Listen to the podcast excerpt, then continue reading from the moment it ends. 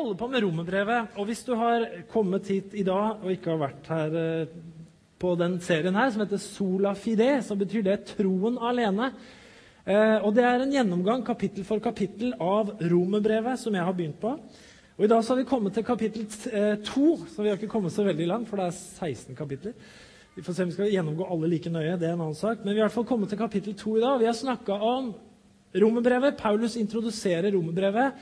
Det handler om Guds gode nyheter, det handler om evangeliet. Og Forrige søndag så snakka vi om noe som eh, egentlig ikke er så veldig positivt, nemlig vrede. Guds vrede, som vi hadde om her forrige søndag. Eh, og Når vi en sånn, gjør en sånn gjennomgang kapittel for kapittel, så er det på en måte at vi, vi skal tygge oss igjennom liksom, materien. Og så kommer vi jo da til godbitene etter hvert. da. Men gjerne når vi, når vi har prekener og sånn, vi predikanter, så liker vi jo gjerne å ta, liksom, plukke ut godbitene av Bibelen. Vi plukker ut de power-versa. ikke sant? De kan vi preke over, vet du. Men nå, nå skal vi liksom gå igjennom kapittel for kapittel her. Og det tror jeg er veldig bra. For vi, vi, trenger noe mer enn bare godbiter. Vi trenger liksom å få en litt helhetlig forståelse. Så Derfor så går vi gjennom romerbrevet. Og romerbrevet handler om det å bli rettferdiggjort ved tro. Det er det romerbrevet handler om. Og Det vi avslutta litt med forrige gang, det var kapittel 1. Og det var egentlig en, Slutten på det kapittelet var en lang oppramsing av ulike synder som Paulus sier vi mennesker kommer inn i når vi ikke ærer og lover og tilber Gud, men begynner å tilbe andre ting, sånn som mennesker for eksempel, eller dyr, eller bilder, eller natur eller materielle ting. eller hva det måtte være, Så faller vi vekk fra Gud, og vi blir formørka tomme i vårt sinn. Så sier han at vi må prise og ære Gud. Så det er veldig bra med lovsang. Eh, I dag skal vi, er headingen for eh, dagens kapittel. I dag skal vi gå gjennom hele kapittel 2. er ambisjonen. Eh, og det Headingen er å dømme en annen er å dømme seg selv. Og som sagt, Siste halvdel av det første kapittelet som vi akkurat gjorde oss ferdig med, det handler om Guds vrede over synden, over urettferdighet, som altså sørger, gjør at vi er formørka i vårt sinn. Eh, når vi leste kapittel 1, og kanskje du leser romerbrevet om dagen, gjør gjerne det. Gå gjerne hjem og bruk litt tid og les det om dagen. Du kan gjerne følge, følge den serien her med de kapitlene osv. Når vi leser syndeoppramsinga til Paulus i det første kapitlet, så kan vi tenke at det, eh, da er det sånn at Paulus beskriver et visst sjikt av mennesker. Altså Han beskriver de som er ordentlig syndige, de som virkelig er ute å kjøre, de som er langt vekke fra Gud, de som er dårlige. ikke sant? Altså, han snakker om eh, homofil praksis og han snakker om sånne ting. ikke sant? Eh, og Han er på en måte inne i en sånn anklagemodus. Og saken er at Paulus i dette kapitlet, så er dette kapittelet vi skal gå inn i, det er et anklagekapittel. Høres ikke det positivt ut? Det er et anklagekapittel. og grunnleggende så er det sånn at I det kapitlet her så skal vi fram til at Paulus anklager jødene og sier at dere har ingen særstilling. Det er det vi skal komme fram til her. Eh, og skal, Jeg skal bare lese ett vers fra det tredje kapitlet, i vers 9. For Paulus er på vei til en konklusjon i dette andre kapitlet. Og Den konklusjonen finner vi på mange måter i dette ene verset her, i kapittel 3 og vers 9, hvor det står Hva så? spør Paulus. Har vi jøder noe fortrinn? Altså Han inkluderer seg sjøl, for han er jo jøde. Har vi jøder noe fortrinn? Altså Har vi noen fordel, vi som er jøder? Nei, på ingen måte. Vi har jo allerede anklaget både jøder og grekere for at de alle er under synden. Så han sier vi som er jøder, har ingen fordel. Vi har allerede anklaget. Det betyr at Paulus i dette andre kapittelet og tredje kapittelet holder på å anklage jøder og grekere, altså hedninger, for at alle er under synden. Kanskje du tenker at det ikke er så positivt budskap, men det blir veldig bra etter hvert. som vi kommer til kapittel 4 og utover. Eh, grunnen til at han argumenterer litt forskjellig overfor jøder og overfor grekere i forhold til synd, eh, det er at de to gruppene har på en måte to ulike utgangspunkt. Jødene står på mange måter i en særstilling innenfor Gud. Jødene har vært Guds utvalgte folk. Det folket som Messias skulle komme ifra. Jødene har hatt eh, paktene. Jødene har hatt loven. Jødene har hatt profetene. Og jødene har hatt Guds hånd over seg. Derfor så tenker jødene om seg sjøl at de står i en særstilling i forhold til Gud, og at man var kanskje mer rettferdige enn andre folkeslag. Eh, men interessante som Paulus tar opp, og som vi skal prøve å på en måte tillempe litt til det vi lever i dag, det er noe av det som står i det andre kapitlet og vers 24. Fordi eh, det er sånn at han sier noe her som er litt eh, interessant. Han sier nemlig sånn For på grunn av dere Da snakker han og henvender seg til jødene. skal vi se. På grunn av dere blir Guds navn spottet blant hedningene, slik det også står skrevet. På grunn av dere, sier Paulus, så blir Guds navn spottet blant hedningene. Dere jøder.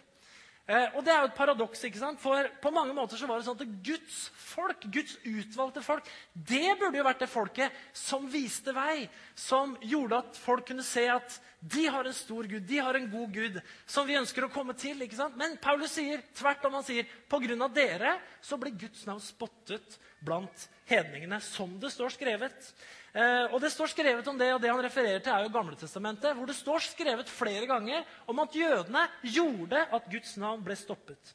Jeg skal lese, og det kommer ikke opp her, men du kan bare høre etter. Fra Esekel 36, vers 20, så står det sånn her, f.eks. Men overalt hvor de kom blant folkeslagene, vanhelliget de mitt navn. For det ble sagt om dem, dette er Herrens folk, men de måtte dra ut av hans land. Jeg beskytter mitt hellige navn, sier Herren, som israelittene har vanhelliget blant folkeslagene som de kom til. Derfor skal du si til Israels hus, så sier Herren Gud, jeg griper ikke inn for deres skyld, Israels hus, men for mitt hellige navns skyld. Det som dere har vanhelliget blant folkeslagene dere kom til. Jeg vil hellige mitt store navn, som er vanhelliget blant folkeslagene. Det som dere vanhelliget blant dem, Folkeslagene skal kjenne at jeg er Herren, sier Herren Gud, når jeg gjennom dere viser meg hellig for øynene på dem.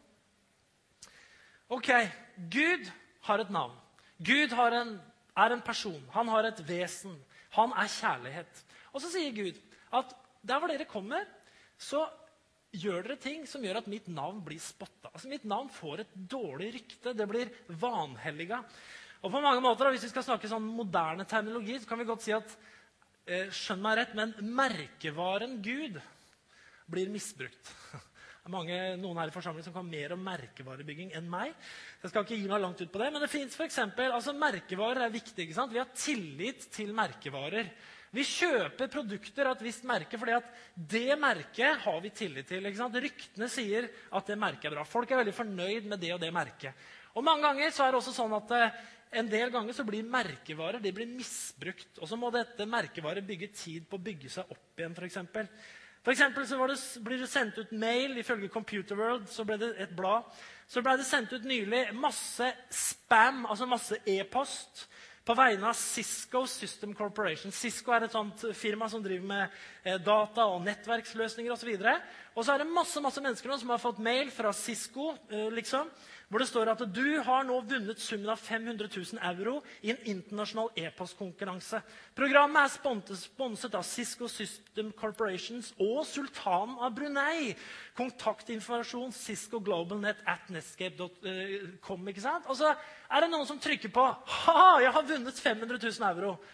Eh, det er kanskje ikke så mange folk som gjør det lenger, men det er jo noen som gjør det. Og så skjer det masse rart. Så blir man kanskje lurt. ikke sant? Hva skjer da? Jo, hvis folk tror at det her kommer fra Cisco, så begynner vi å tenke at det er et veldig dårlig selskap. ikke sant? Det blir masse dårlige rykter og masse forskjellige ting. Og da er det enkelte ganger at sånne selskaper de går til rettssaker og prøver å finne ut hvem er det som har gjort noe for å dra ned vår merkevare. Det ødelegger tilliten. Og på mange måter kan du si at Det var på mange måter det som Israel ble anklaget Gud for å gjøre. Dere har tatt mitt navn. Jeg står for noe, jeg har noen verdier, jeg leverer noen ting. jeg er noen ting, Og så har dere misbrukt mitt navn. Dere drar det ned. Dere vanhelliger navnet mitt. Og derfor, sier Gud, så er det ikke sånn at jeg griper inn for deres skyld. Men jeg gjør det først og fremst for å bevare mitt eget navn. Jeg er opptatt av at mitt navn skal oppfattes riktig. Og Da er vi tilbake til det Paulus skriver, at pga. dere ble Guds navn spotta blant hedningene. Hva slags bilde er det dere egentlig gir av meg? Eh, svaret som ligger i det kapittelet her, i forhold til det, for det er det Paulus skriver litt om. Det er at de mangler ydmykhet overfor hvem de selv er, og hvor de faktisk kommer ifra. Eh, det skal vise seg at jøden har ingen særstilling overfor Gud. De levde i selvrettferdighet. De mente at fordi vi kjenner Guds lov, så har vi et fortrinn framfor andre. Det er vi som er velsigna av Gud. Og jeg vil at du skal tenke litt. Det kan være et ekko ikke bare på jødene, det kan også være et ekko på vi som er Guds folk i dag. Det er vi som er velsigna av Gud. Det er oss som Gud elsker. Det er oss som Gud er med oss videre. Vi kjenner Gud. Vi vet hvem han er. Og vi skal sannelig lære verden rundt oss hvordan allting virkelig er. Problemet er at Guds eget folk sørger for at hedningene forakter Gud. Eh, Loviskhet det har aldri framstilt Gud som den han virkelig er. Og Det er Paulus litt ute etter å si noe om. Å dømme en annen er å dømme seg selv. Vi skal gå litt fra begynnelsen av kapittelet nå. I forhold til synd og ugjerninger, hvilke holdninger skal vi ha til de som er rundt oss? Hva slags holdning skal vi ha til oss selv? Og hvordan skal det her med å dømme fungere?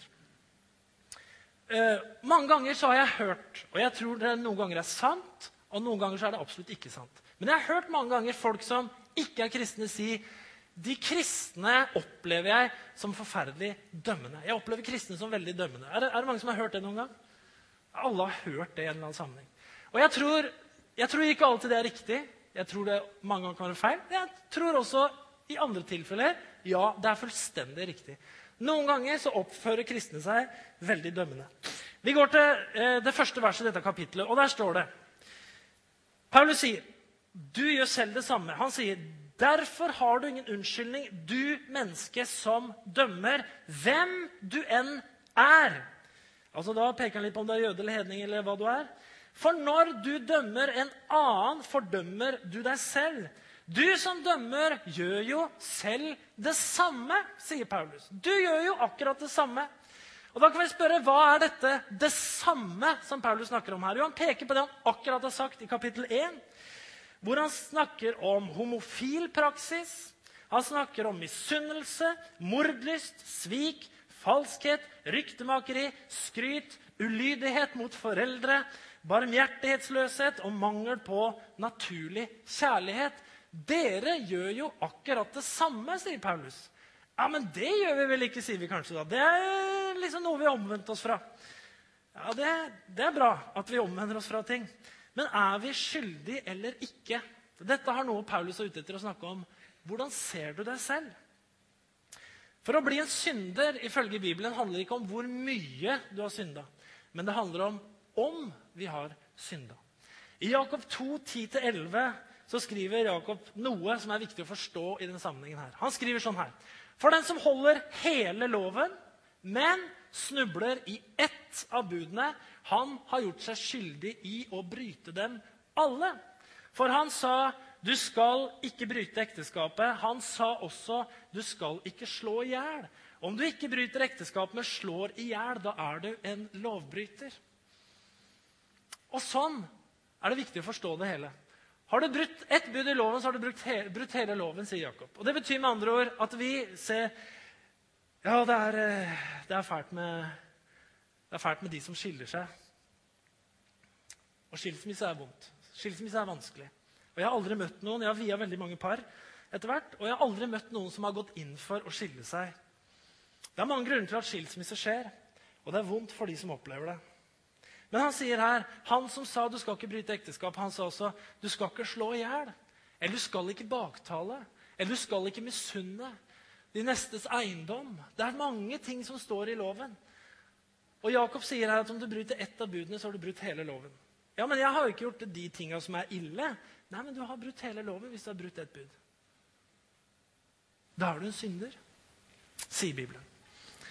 Og Jesus, han, han, han, eh, Jesus er opptatt av det her. Han refser de som hever seg over andre og tenker at andre er dårligere mennesker enn meg. Han snakker om i Lukas 18, 9-14, så er en kjent historie som jeg husker jeg lærte på søndagsskolen som flanellograf. Flanellograf er ikke alltid så gæren, for den her husker jeg enda. Det handler om tolleren, og det handler om fariseeren som gikk til tempelet for å be. Jeg husker Tolleren han var sånn fin som de klistra litt høyere opp. Nei, unnskyld, han, eh, Fariseeren var litt fin som han klistra høyere opp. Og tolleren var der nede, liksom. Jeg tror det var sånn blå flanellograf. eh, Og så forteller Jesus denne historien til noen som stolte på at de selv var rettferdige, og så ned på alle andre. fortalte Jesus denne lignelsen. To menn gikk opp til tempelet for å be. Den ene var fariseer, og den andre var toller. Fariseeren stilte seg opp for seg selv og ba slik.: Gud, jeg takker deg for at jeg ikke er som andre mennesker, de som svindler, gjør urett, bryter ekteskapet, eller som den tolleren der. Jeg faster to ganger i uken, og i tiende alt jeg eier. Og Tolleren sto langt unna og ville ikke engang løfte blikket mot himmelen, men slo seg for brystet og sa, 'Gud, vær meg nådig.' Så sier Jesus, 'Tolleren gikk hjem rettferdig for Gud, den andre ikke.' For hver den som setter seg selv høyt, skal settes lavt. Og den som setter seg selv lavt, skal settes høyt. Og her er Guds rike-logikken. Det handler om at den egenrettferdige blir tatt ned, mens den ydmyke blir løfta opp. Det er Guds rike-logikken hele veien. Ydmykhet, det er en dyd. Det er det Jesus ønsker, det er det Gud ser etter. Han ser ikke etter prektighet. Han ser etter ydmykhet. Det er Guds rike. Og Det er det Paulus også så i det jødiske folket, at her fins det en egenrettferdighet. Det mangler en ydmykhet i forhold til de andre menneskene som er rundt omkring. Ingen er kvalifisert dermed til å unnslippe dommen, sier Paulus. Heller ikke de som synes at det er ille at andre gjør synd. Men du menneske, når du dømmer den som gjør sånn, og selv gjør det samme, mener du da at du skal unnslippe Guds dom? Tenker du at du er bedre rusta til å møte Gud fordi at du har en tanke om at 'jeg er ikke som alle andre'? Paulus skriver videre i det andre kapittelet fra vers 4 at man hoper seg opp dom. Det høres ikke så positivt ut. Eller forakter du hans uendelige godhet, overbærenhet og tålmodighet? Skjønner du ikke at Guds godhet driver deg til omvendelse? Med ditt harde hjerte som ikke vil vende om, hoper du deg opp vrede til vredens dag, når Guds, Gud åpenbarer sin rettferdige dom. Han skal lønne hver og en etter det han har gjort. De som med tålmodighet gjør det gode og søker herlighet, skal få ære og uforgjengelighet. De får evig liv. Men de som i selvgodhet er ulydige mot sannheten og lar seg lede av uretten, har vrede og harme i vente. Nød og angst skal komme over hvert menneske som gjør det onde. Jøde først, og så greker. Men herlighet, ære og fred skal den få som gjør det gode. Jøde først, og så greker. For Gud gjør ikke forskjell på folk. Altså, Det er ingen forskjell mellom jøde og hedning. Du tror du ikke har behov for å vende om, sier Paulus. Eh, du ser ikke din egen synd. Og du skjønner ikke at Akkurat nå så er det sånn at Guds godhet bærer over med deg i nåde. Han, det er han som er der og er tålmodig. Han venter med én dag, sier Gud, så kommer det også for deg som tenker du er rettferdig, en dom. Og dommen den er rettferdig, som vi leste forrige gang. Så er det sånn at eh, Gud han er som ild, og synden er som vann. Det er to forenlige ting. Det hellige og det uhellige kan ikke gå sammen. Paulus skriver i teksten at vi får lønn etter det vi har gjort. Og Da kan det jo liksom virke som at vi får lønn fordi vi har gjort gode gjerninger. At man kan bli frelst ved gode gjerninger. Det avviser Paulus litt seinere i kapittelet. Eh, men jødene mente at siden de hadde loven og kjente hva som var Guds vilje, så var det altså de som kunne gjøre Guds vilje. Det er, vi som vet hva Guds vilje er, sa jøden. Det er vi som kjenner Gud, det er, det er vi som har fått loven, det er vi som har greie på det her med Gud. Så vi vet hvordan Gud vil ha det. Men saken er den at så, sånn er det ikke. Spørsmålet er har jøden et fortrinn, et bedre utgangspunkt enn andre fordi de kjenner Gud. Og det sier Paulus nei på. Vi leser videre i kapittelet at alle som har synda uten loven, de går fortapt uten loven. Det vil si, De som er hedninger, som ikke har hatt noe med jødedom og, og lov å gjøre, de går fortapt uten loven. Og alle som har synda under loven, de skal dømmes etter loven. For det er ikke de som hører loven. Det betyr ikke så mye om du hører loven, som blir rettferdig for Gud. Men det er de som gjør sånn som loven sier, sier Paulus. De skal kjennes rettferdige. For når hedningene som ikke har lov, etter naturen gjør det som loven sier, så er de sin egen lov enda de ikke har loven. Eh, de viser, sier Paulus, med dette at lovens krav står skrevet i deres hjerte. Om det vitner også deres samvittighet når tankene deres anklager eller forsvarer dem. Dette skal bli gjort klart den dagen Gud ved Jesu Kristus dømmer det skjulte i mennesket, slik jeg har forkynt det. Paulus sier med andre ord at dere som er jøder, dere har ikke et bedre utgangspunkt enn hedningene. Fordi at hedningene de blir sin egen lov. Hvordan? Ved at Gud fra begynnelsen av har gitt et sånt eh, originalt design i alle mennesker. Han har gitt mennesker noe som heter samvittighet. Sånn at selv om ikke de har den skrevne loven, så har det noe i den menneskers samvittighet som vitner om sannheten eller anklager dem i forhold til det som ikke er riktig. Derfor er det mange ting i ulike kulturer i verden og ulike religioner og sånt, så er det sånn at uansett så vil du finne igjen at det er en del ting som blir sett på som rett og galt. For så er ikke dette med troløshet positivt i noen kulturer eller noen religioner. Det er liksom ikke sånn at nei, i, vår, eh, I vår religion, i vår kultur, er det sånn at det å være troløs, det å svikte, det er sett på som veldig positivt. Det, det, er, noe, det er, en verdi vi virkelig har tatt. altså. Sånn er det ikke. Det fins over hele verden at trofasthet det er en bra ting. F.eks. det å drepe. Nå fins det selvfølgelig situasjoner hvor man tenker ut fra krig og eh, kanskje ideologiske ting, og sånn, hvor noen kan definere det som å drepe og være bra. Men generelt utenom de tinga der, så er det jo ikke sånn at det, det, å drepe er jo en veldig bra ting. altså. Det er noe som fins overalt. Dette, å ta vare på liv, det er noe vi er opptatt av. Det å ta vare på hverandre, det er noe vi er opptatt av. Vi trengte ikke å ha liksom en lov som skriver det. Det ligger i oss mennesker. ikke sant? Det er det Paulus sier. Så hedningene, selv om ikke de har hatt en skrevet lov, så ligger det i mennesket denne loven. Det ligger skrevet her inne i samvittigheten til mennesker. Derfor så må ikke jødene tro at de er en privilegert stilling i forhold til å kjenne rett og galt. Eh, hedningene har også det samme kompasset her inne. Det fins mange eksempler i Gamletestamentet på hedninger som ble rettferdiggjort. F.eks. en prostituert kvinne som het Rahab. Så når Israel skulle inn og, og, og se på Jeriko, så, så, var hun en som tok imot speiderne. Hun ble erklært rettferdig av Gud. Så med andre ord, alle som har synda uten loven, går fortapt uten loven. Og alle som har synda under loven, skal dømmes etter loven. Enten det er samvittighetens lov eller Mose-lov. I moderne tid så er det fortsatt viktig å huske dere at jødene har ingen særstilling overfor Gud på den måten her. Noen har hevda det at vi trenger ikke å evangelisere for jødene. For de er jo allerede Guds folk. Det er helt feil. Jødene er like mye i behov av Jesus Kristus som sin herre og frelser, som sin forsoner med Gud, som alle andre folkeslag. Først jøde, og så greker. Jesus kom for å frelse alle folkeslag. Og Det er bare én vei til Gud, og han heter Jesus Kristus. Uansett om han er jøde eller om han er greker eller nordmann, eller hva det måtte være. Så det må være klar over at det blir merkelig, et merkelig budskap som ikke er bibelsk i det hele tatt. Så kan vi spørre hvilken rolle skal man innta overfor andre? Jødene har nemlig inntatt en tydelig rolle. og det er her vi også kan tenke litt. Jødene hadde inntatt en tydelig rolle overfor andre mennesker. Nemlig at de skulle lære og veilede alle andre folkeslag om hvordan det var med Gud. De, Paulus sier, når du som kaller deg jøde, i vers 17 du stoler på loven og er stolt av din Gud. Du kjenner hans vilje og kan avgjøre hva som er rett, fordi du er opplært i loven. Du er overbevist om at du kan være en veileder for de blinde, et lys for dem som er i mørket, en oppdrager for uforstandige, en lærer for umyndige, fordi du i loven har det rette uttrykk for kunnskap og sannhet.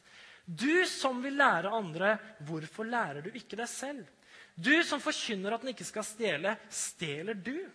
Du som sier at den ikke skal bryte ekteskapet, bryter du ekteskapet? Du som avskyr avgudene, plyndrer du templene deres? Du som er så stolt av loven, vanærer du vanærer Gud ved å bryte loven. Det står skrevet Guds navn blir spottet blant hedningene på grunn av dere. Og jeg kunne godt tenke meg å reflektere litt rundt det i forhold til oss som i dag kalles Guds folk. Guds forsamling, Guds menighet. Vi ønsker å være veiledere, og vi ønsker å være lys. Vi skal være lys, vi skal være veiledere. Vi kan kjenne Guds vilje. Vi kan kjenne Gud gjennom å lese Bibelen, gjennom å tilbe Han osv. Eh, og vi kan spørre oss om ikke vi kan påberope oss akkurat det samme som jødene påberopte seg overfor hedningfolka, nemlig at vi skal være lærere, veivisere osv.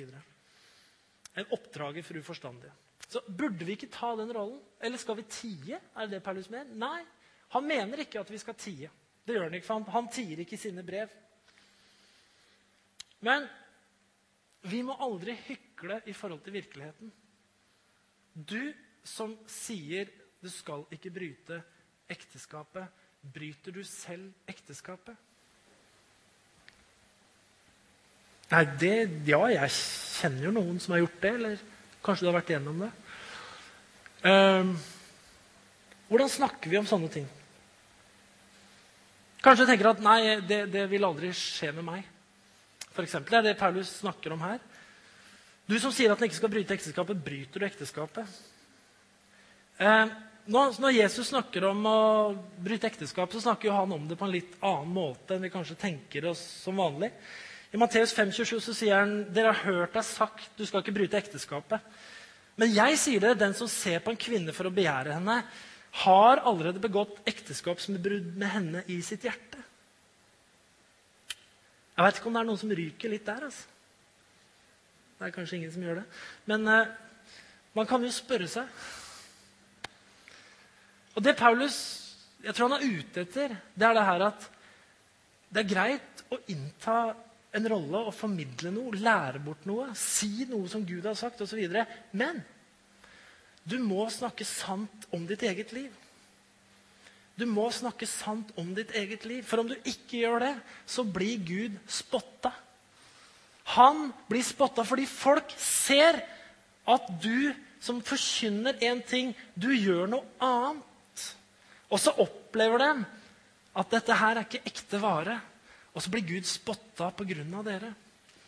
Dere må begynne å snakke sant. Hvor mange har ikke hørt noe i retning av at uh, jo, altså de kristne mener jo de mener jo de er bedre. De snakker mye om nestekjærlighet og masse av de tingene. Du har lest for noen ganger politi politiske kommentatorer som er litt sånn syrlige når de skriver om KrF. For det er jo et parti med kristen i hvert fall var, med kristen bekjennelsesparagraf. Eh, at der, i det partiet burde det jo ikke være krangling. Fordi at i det partiet så er det jo nestekjærligheten og at man elsker hverandre så inderlig av hjertet som råder. Og så krangler de allikevel, gitt. Så er det litt maktkamp allikevel. Det er politikk. Men noen ganger så ser folk på oss hvordan er bekjennelsen deres i forhold til livet de faktisk lever. Jeg fikk ikke sett det programmet i går. Men uh, det var en svensk Jeg så bare traileren. holdt jeg på å si. Viggo på lørdag var det noen som så. Ole Karlsson, han presten i går. Ja. Jeg fikk ikke sett det. Jeg, så jeg, jeg, jeg, kjenner ikke han ordentlig. Jeg så, så, bare noen klipp, og så ble jeg så nysgjerrig, så jeg leste litt om han. Uh, og jeg kikka litt på han på YouTube og litt forskjellig sånn. Men så Jeg har tatt opp programmet, så jeg skal se det. Men han er tydeligvis da Sveriges mest populære prest. Og Jeg vet ikke om han er liberal eller hva han er. jeg vet ikke da. Men det var noe som fanga meg med han. Fordi at eh, han er da i Stockholm, eh, på Södermalm, eh, midt i tjukkeste Stockholm. Eh, I Katarinakirken, tror jeg det var. Og eh, starta Han har vært, eh, han er, vært alkoholiker i 25 år. og så har han opplevd at livet har blitt forvandla. Og så samles det masse, masse mennesker på såkalte allhelgomessor, som ble starta i 1997 på et bønnemøte hjemme på hans kjøkken. Så starta de da, samles det ca. 1500 mennesker hver søndag. Ut fra hva jeg fant ut. På disse allhelgonsmessorene, som er veldig enkle greier. Og Han har skrevet en bok som heter eh, 'Tro for ateister', eller noe i den gata der. Og, og da tenker jeg Hvorfor kommer folk i tjukkeste Stockholm, hvor det faktisk ikke bare er enkelt å trekke folk til gudstjenester. Han snakker kanskje sant om livet sitt. Han kanskje snakker sant om livet sitt. Og derfor så kommer folk. Derfor så begynner ikke folk å spotte Gud. Det blir vanskelig å spotte Gud når folk snakker sant om livet sitt. Jeg husker så godt, det gjør jo veldig mange av dere, Ludvig Carlsen. Så han starta og grunnla Evangeliesenteret. Han var blant de reisende. Han vokste, opp, eller vokste ikke opp, men han bodde på Tolsrød når jeg var gutt. Sønnen hans gikk i klassetrinnet over meg, Kai, som døde 16 år i mopedulykke. Han visste vi kom fra et dårlig hjem. Kai var urolig på skolen, hadde det vanskelig, var med i feil gjeng. Foreldrene hans var alkoholikere, nemlig. Det var Lise og Ludvig Karlsen. De bodde på Tolsrud, rett noen hundre meter fra der hvor vi bodde. Vi, Kai og jeg var i hver vår gjeng. Han var i Tarzan-gjengen. Og vi skulle finne på noe tøffere. Men vi var ikke så tøffe, vi på andre sida av gata der. Vi var da Dracula-gjengen. Uten at vi var så veldig tøffe, egentlig. Det var mer et navn. Det var de andre som var tøffe og rampete. Men Ludvig øh, var alkoholiker. Lise var alkoholiker. Og så ble de frelst. Jeg husker de kom på møte på Betania. Jeg husker Kai kom med mamma og pappa på møte. Jeg skjønte ikke hva de gjorde, for de var så langt fra kristen livsstil og prektighet kanskje, som jeg kunne tenke meg. Så jeg skjønte ikke hvordan de kunne komme dit, men de hadde blitt frelst. Og så tar han inn de første alkoholikerne i garasjen sin der ute på Tolsrød. Og det var på en måte starten. Og så blir det et evangeliesenter oppe på Roa, hvor noen hiver sammen noen penger. Han kjøpte det uten å ha penger, og ringer noen i familien, og de skaffer penger, og så kjøper de det her. Og så starter historiene med evangeliesentrene. Og så ser jeg en veldig enkel mann som snakker sant om livet sitt, som, som forteller om at han har vært der han er, og, og er åpen, og forteller om at Jesus har forvandla livet hans. Og så har vi han. Og så hører jeg parallelt litt seinere så hører jeg en del forkynnere og kristne bevegelser på 90-tallet som er opptatt av reformasjon. Vi skal reformere landet. Vi skal vende dette landet om. I Jesu navn. Vi skal ha reformasjon, og alt skal snus på hodet. Vi skal inn på storting og regjeringa. Vi skal tale inn i landet og inn i posisjoner. Vi skal få makt og autoritet og utføre Guds vilje i dette landet her. Ja, ja, ja. Og Det lå veldig sånn tydelige ambisjonene til mange, mange forkynnere at vi skal inn der makta er. Vi skal inn og påvirke, vi skal inn og gjøre forandring. I Jesu navn. Vi har standarden, vi har Guds ord. vi har... Men de kom aldri på Stortinget, de gutta der. Men hvem, jeg veit hvem som kom dit. Nå ringer han faktisk for å bekrefte at det her er riktig. Men jeg veit hvem som kom på Stortinget. Han het Ludvig Karlsen. Han var eks-alkoholiker. Og Han kom på Stortinget og hadde andakter fast i en lang periode hvor han påvirka. Han snakka sant om livet, han snakka sant om Gud. Han fikk lært folk noen ting. Han fikk statsstøtte. Noen syntes det var dumt, noen syntes det var bra. Han fikk penger til å hjelpe alkoholikere.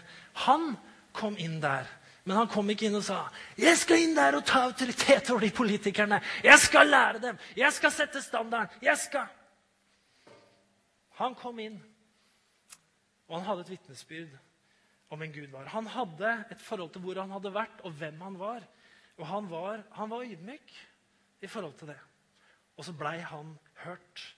Den som mener seg å være rettferdig, vil bli satt utafor. Den som ydmyker seg, han vil bli rettferdiggjort, var budskapet fra Paulus. Jødene hadde altså inntatt en tydelig rolle overfor andre. Og Dette må vi reflektere litt over. Denne presten Jeg kjenner den ikke. Men jeg tror det er vanskelig å spotte Gud etter å ha hørt den. Å la være å hykle det krever ganske stort mot. Men belønningen den er stor, både for oss sjøl, i vår egen indre helse, åndelig helse, og for dem vi kommer i kontakt med, som får et riktig bilde av Gud. Det er det indre som teller, tror jeg det er søstera mi som ofte sier. Det er det indre som teller. Og I avslutninga av det kapittelet her, Rombrevet 2, så skriver Paulus Han refererer til at jødene har det ytre i orden. Omskjærelsen snakker Paulus om. Jødene skulle omskjære guttebarna sine åttende dagen. Som et tegn på den pakt de var med Gud, at de var i denne forbundspakten med Gud. Mens Paulus sier omskjærelsen den gagner deg nok, men bare hvis du holder loven. Og så er det sånn at alle har brutt loven, så den gagner egentlig ingenting. Men bryter du loven, så er du en uomskåret. Altså, det spiller ingen rolle om du er omskjært og har alle de rette greiene og alle og jeg har ditten og datten, jeg kjenner det og det. Hvis du har brutt loven, så, så er du som en uomskåret. Men hvis du som er uomskåret, holder lovens bud, skal han ikke da regnes som omskjært? Den som er uomskåret fysisk, men oppfyller loven, skal dømme deg, sier han. For du bryter loven ennå du har lovens bokstav og er omskåret. Rett jøde er ikke den som er jøde i det ytre, som har riktig omskjærelse, og det skjer ikke det ytre på kroppen.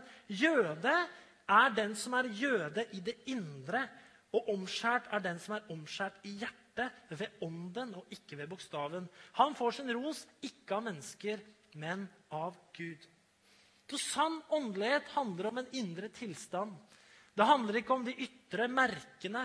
Det handler ikke om den ytre staffasjen som hele denne tida her var full av. Jesus også snakker om det dere gjør bønneduskene deres lange. Og dere har en masse ting på dere som skal gjøre dere distingverte. Du vet, I Forsvaret så har vi sånne distinksjoner, heter det i Forsvaret. ikke sant? Det er disse, Hvor mange stjerner har du? Hvor mange striper har du? Hvor mye salat har du? kaller vi det, ikke sant? Når det er sånne medaljegreier. ikke sant? Hvor mye har du? Du har distinksjoner. 'Jeg har vært med på noe. Jeg kan noen ting. Jeg er noe mer enn deg.' Det har du i hvert fall fått vite hvis du har vært i førstegangstjeneste. så merker du fort at alle er noe mer enn deg, for du har ingenting oppå her. Mens de andre de har noe oppå der, og det er bare å bøye seg. altså. Så det blir distingvert. Det handler om at man har disse ytre tegnene. Men det hjelper ikke, sier Paulus, hvis du allikevel har brutt loven. Paulus er altså inne i en sånn anklagemodus her. Og Paulus har altså begynt sin argumentasjon, spesielt overfor jødene, om at det er noe mer enn religionsutøvelse som skal til for å være en sann trone. Det må skje en omskjærelse i hjertet. Det må skje noe inni hjertet ved ånden. Uh, forhuden for å være konkret på det, omskjærelsen hvor forhuden blir skåret av, representerte urenhet. Og Det er det det handler om. Det han sier er at Det urene på tas ut av hjertet ved Den hellige ånd. Det er omskjærelse ved ånden i hjertet. Så Dagens lærdom da, i her, dette anklagekapitlet, som du kanskje ikke syns er så oppmuntrende, det er at vi må tenke på at vi snakker sant om livet og snakke sant om Gud. Vi må tenke på at i en rolle hvor man skal formidle hva som er sannhet, og hva som er Guds vilje og hva som er Guds ord, så må vi vite hvor vi kommer ifra. For du som anklager andre, eventuelt, du må vite at du gjør akkurat det samme sjøl. Det er Paulus budskap her. Husk på det! At der er vi alle sammen. Må Gud lære oss ydmykhet. Amen. Skal vi ta oss og be dette herlige lovsangsteamet vårt å komme opp? Skal vi tilbe Herren eller synge en sang til Han? Jeg har lyst til at vi reiser oss, og så har jeg lyst til å